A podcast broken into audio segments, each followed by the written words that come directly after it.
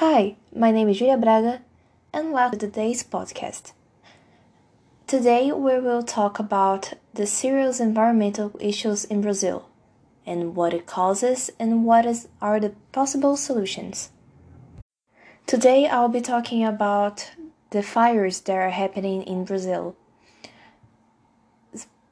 most especially on the Amazon and the Pantanal. If you see the the fires in the Amazon today are very low, but on the Pantanal is still very high, and this is very really serious for us to talk about.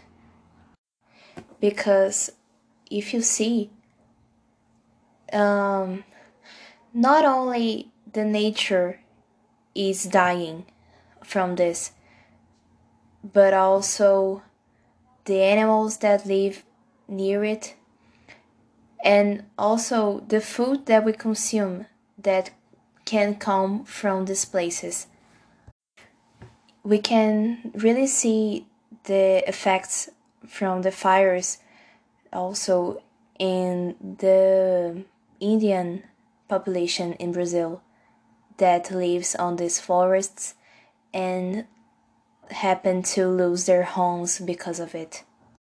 So, one of the main possible solution that I see from what we can do right now is to talk with the owners of cattle and see if there is any other way to enlarge the space that the cattle can be. So, for example, uh, dividing in other farms or like really staying off what they already have?